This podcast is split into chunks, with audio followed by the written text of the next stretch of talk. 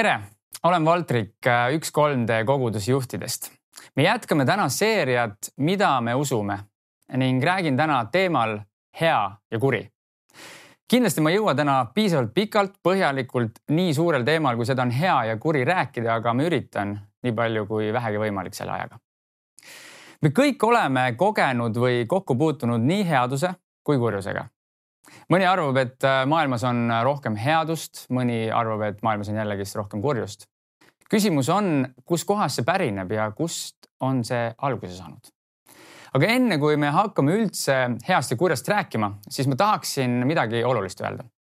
mõtle korra selle peale, kuskohast tuleb tihtipeale väga tuliselt hea ja kurja teema esile see tuleb esile seetõttu, kui inimesed kõik kipuvad arvama, et nad oskavad seda määratleda suur osa inimkonnast arvab, et ta teab hästi, mis on hea ja mis on kuri. aga mõelge sellele, et ilma Jumala sõnata pole meil mingit alust väita mitte millegi või kellegi kohta hea või kuri. kui oled keegi, kes ei toetu piiblile, siis ma küsin, et mille põhjal sa nimetad üldse kedagi või midagi kurjaks või heaks? Aga kui me toetume sellele, kuskohast, kust on heast ja kurjast juttu ehk Jumala sõnale piiblile, mida ma täna ka teen, siis esimene kirjakoht, mida ma tahan ette lugeda, on Hiobi üks kuus. ent ühel päeval, kui Jumala lapsed tulid ja seisid issanda ees, tuli ka saatan enda sekka. kirjakoht ütleb, et Jumalal kui headusel ja saatanal kui kurjusel on omavahel teatud selline vastasseis, millest ja mille loogikast me eriti midagi ei tea aga piibel ehk äh, jumala sõna kergitab pisut katet sellelt ning äh, sellele samale raamatule toetudes üritan seda täna ka mina teha. ühe olulise asjana tahaksin sissejuhatuses öelda kolme asja. ma usun piibli põhjal Jumalasse kui kõikvõimsasse. ma usun sellesse, et Jumal on täiuslikult hea. ja kolmandaks, ma usun sellesse, et kurjus eksisteerib ja kui me räägime heast kui jumalast ja me räägime kurjast kui saatanast, siis tekib kohe küsimus paljudele, et, et kui jumal on hea, miks saatan on siin maailmas, miks jumal teda üldse siia lubas, miks, miks ta teda kõrvaldanud pole, jumal, kui sa oled hea? antud teema juures on kõigepealt vaja ka veel üks asi kindlasti ära lahendada, sest vastasel juhul läheb see jutt paljudel kõrvust mööda.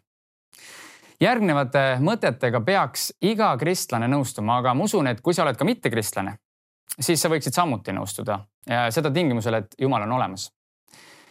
Need järgmised mõtted on sellised. esiteks, kui Jumal on armastav Jumal, siis täiusliku armastuse saavutamiseks annab ta inimesele vaba tahte.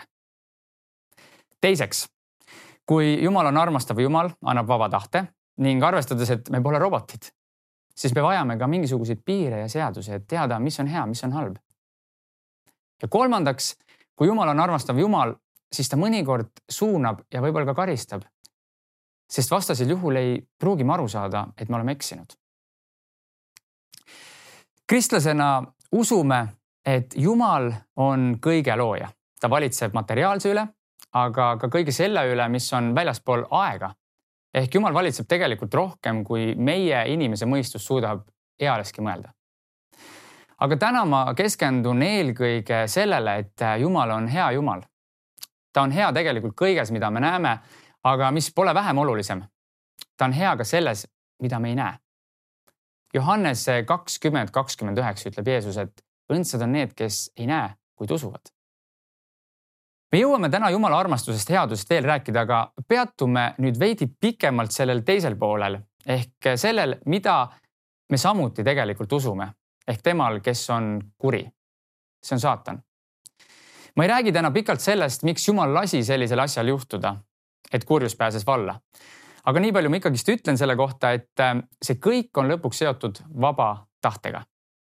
kui Jumal on täiuslik Jumal ja kui ta seda on, siis ta on ka üksainus valitseja. aga juhtus nii, et üks ingel otsustas vaba tahte alusel ise valitseda.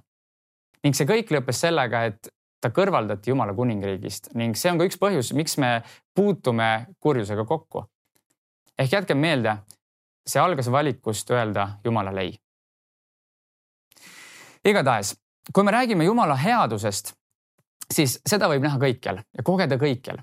aga kui me peaksime rääkima kurjusest ja kui me peaksime kurjust kuidagi jaotama, siis suures pildis on kolme liiki kurjust. looduslik kurjus, inimlik kurjus ja vaimne kurjus. räägime inimlikust kurjusest. ma annan sulle mõne sekundi. Mõtle oma peas korra, mis on sinu jaoks äh, suurim inimlik kurjus, mis sulle kohe pähe tuleb mõni seostab seda Hitleriga, mõni mingi muu avaliku elu tegelasega, mõnel on hoopis värskem kogemus kurjusest mõne lähedase inimesega. Jeesus ütles järgmiselt Luuka kuus nelikümmend viis, et hea inimene toob head oma südame heast tagavarast ja paha inimene toob pahast välja paha, sest ta suu räägib sellest, millest on tulvil ta süda.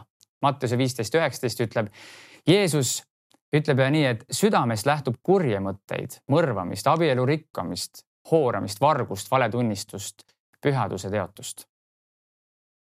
seda, millest Jumala sõna siin räägib, millest Jeesus siin räägib. Teate, sellist kurja tegelikult alguses ei olnud.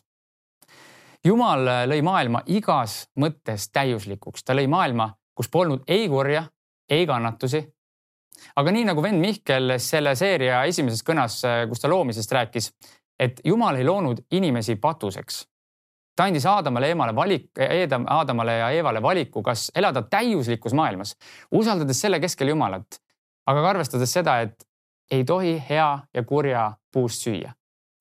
Või neil oli valik hakata loojale, Jumalale vastu, aga arvestades ka seda ja teades, mis on selle tagajärg. mis juhtus?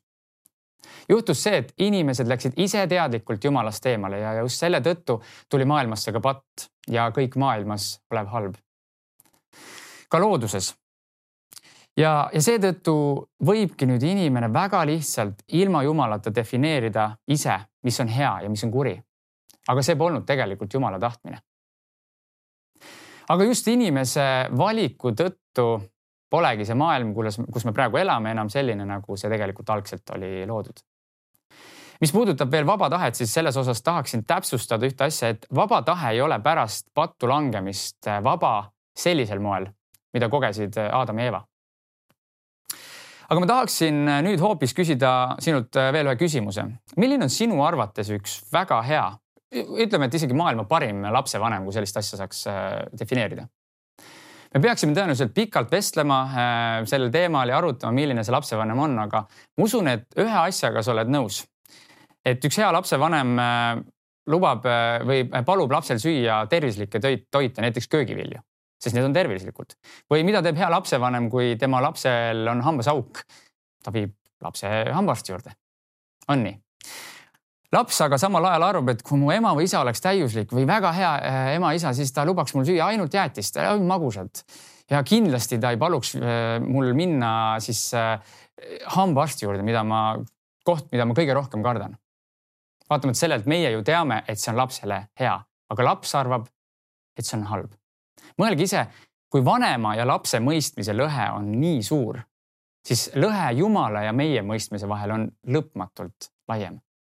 Seega, kui lapsed ei saa aru, miks vanemad lasevad neil nii-öelda kannatada, kas peaksime siis olema meie üllatunud, kui me ei saa aru mõnikord, et miks Jumal lubab äh, meil kannatada? Jumal julgustab meid tugevalt järgmistest salmidest aga mitte ainult sellest, vaid me kiitleme ka viletsusest, teades, et viletsus toob kannatlikkuse, kannatlikkus läbikatsutuse, läbikatsutus lootuse. roomlaste viis, kolm kuni neli. Jumal andis meile vaba tahte ja andis meile reeglid, mis olid parimad reeglid, need olid head reeglid. aga mida inimene on teinud? mida aeg edasi, seda enam on inimene arvanud selliseid asju, et mina tean, mis mulle on parim. mul pole seda Jumalat vaja. ma saan ise hakkama mis jumal, ma ei usu sellesse. ma teen ise, mis mina tahan, ütlevad paljud inimesed.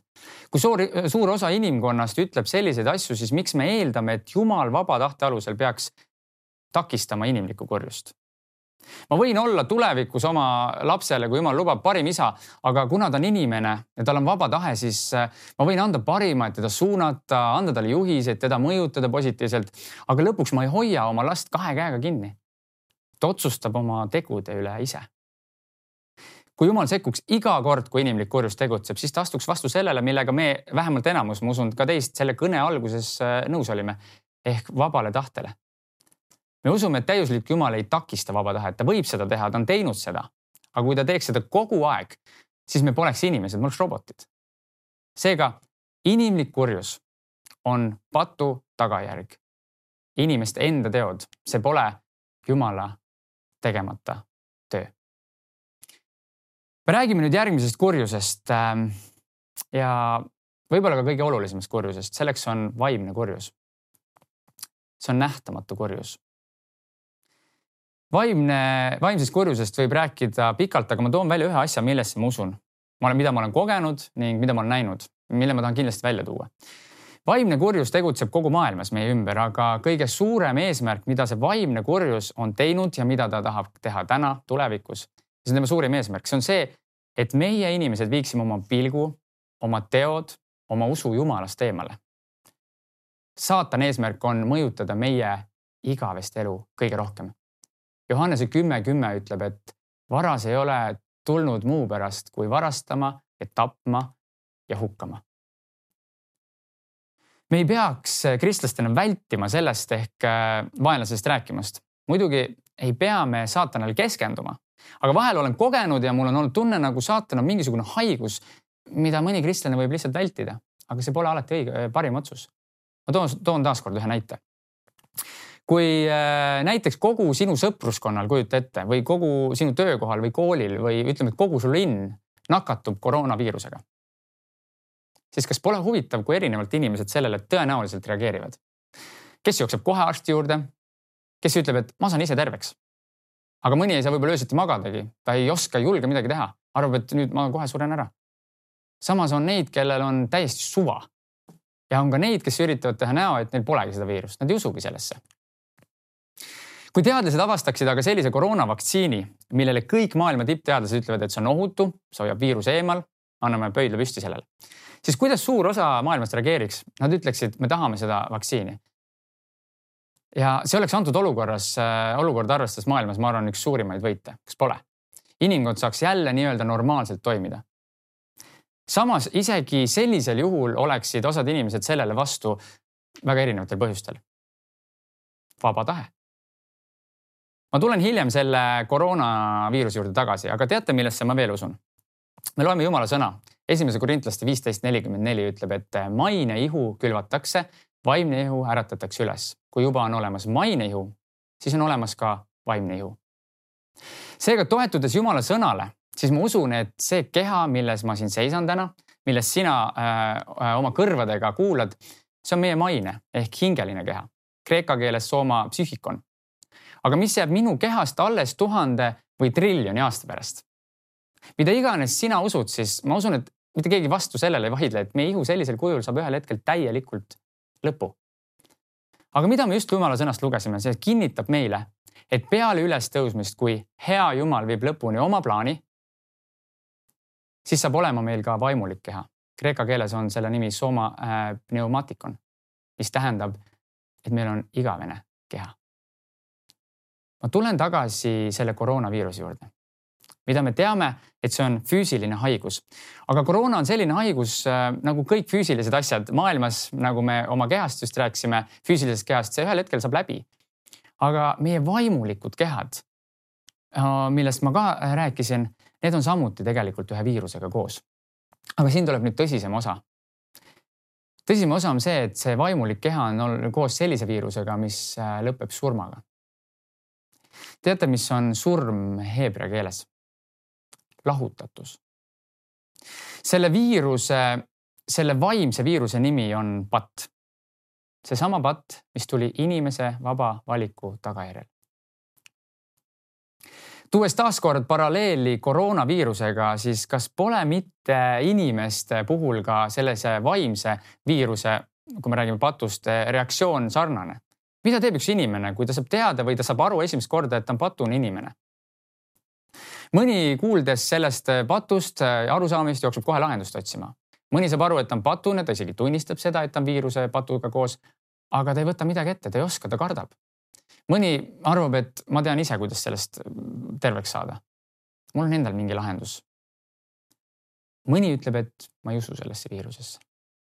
ma ei usu pattu arvestades, et vaktsiin on vabatahtlik, siis huvitav on see, mõelge nüüd, et need, kes võtavad vaktsiini vastu, neid eh, seob midagi väga sarnast, neil on mingi ühine omadus. mis see on? see on usk. sest miks sa peaksid süstima endale vaktsiini vabatahtlikult, kui sa sellesse ei usu? su ravi võimalikkus ei saa koroonaviiruse vaktsiini süstimisest algust. see saab alguse sellest, kui sa usud kõigepealt sellesse. Ja nagu öeldud, on alati need, kes ei usu.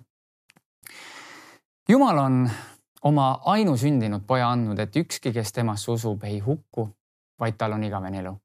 on kirjas Johannese kolm kuusteist. jumal on hea. jumal ehk hea on kurja ja saatan juba võitnud. Jeesus Kristus suri ristil meie pattude eest, et isegi kui meie vabatahtlikult kurjuse, selle viiruse, selle patu valisime, siis Jumala arm usu kaudu annab meile võimaluse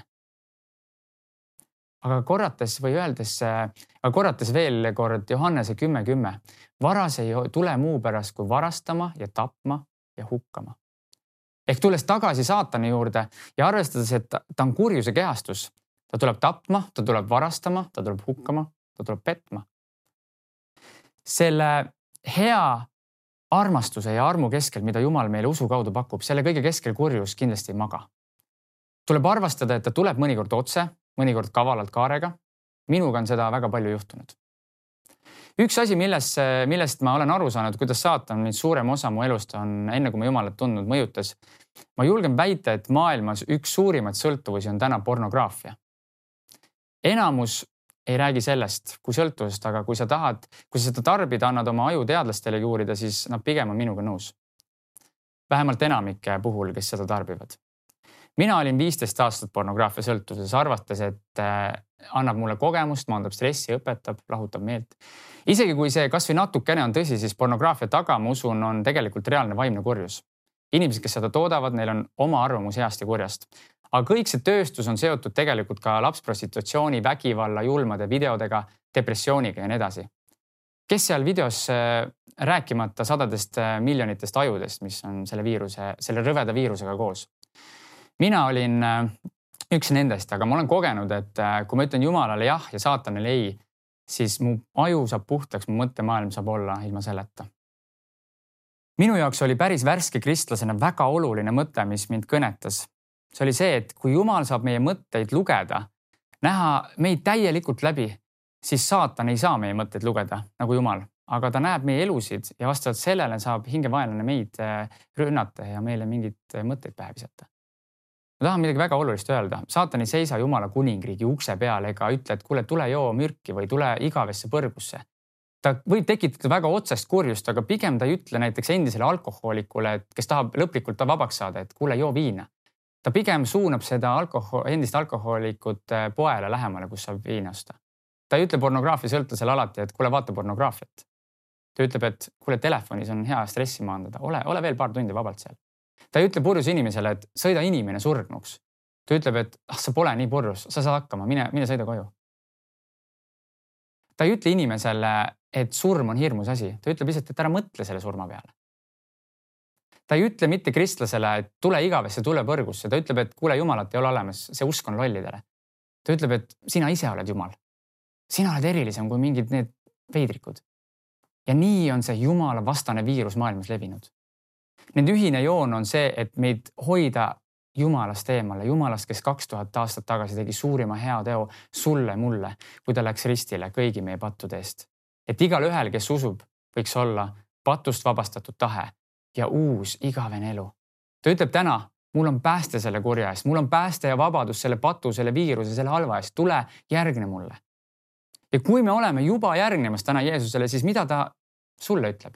ta ütleb, minge kõike maailma, kuulutage, et igavese elu vaktsiin on olemas. see kõlab veidralt, aga see vaktsiin, see pääste on see, mis on tegelikult igavene ja see on järgmine. jumal on oma ainusündinud poja andnud, et ükski, kes temasse usub, ei hukku, vaid tal on igavene elu. üks põhjus, miks Jumal on hea, on see, et ta on täna rääkinud isiklikult sulle. ta on öelnud, et sa võtaksid vastu, mida ta pakub. aga kui sa oled selle juba vastu võtnud ehk tema, Jeesuse, siis siis Jumal tahab meile öelda, et kasuta seda, mis ta on andnud. kui koroonavaktsiini on alati vaja maailmas tulevikus juurde toota, siis meie kätes olev vaktsiin on valmis ja ootab, et sa seda jagaksid. see on evangeeliumis on rõõmusõnum, mine ja jaga seda. samas ma pakun sulle nüüd võimalust vastata järgnevatele küsimustele, oled sa üksinda või mitmekesi. aitäh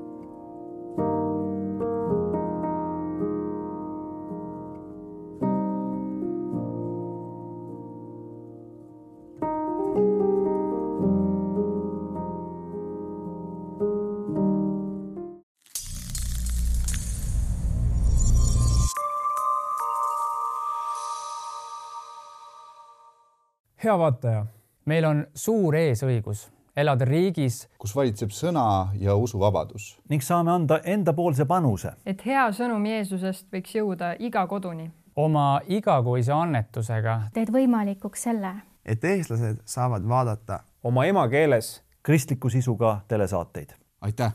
sinu panus on oluline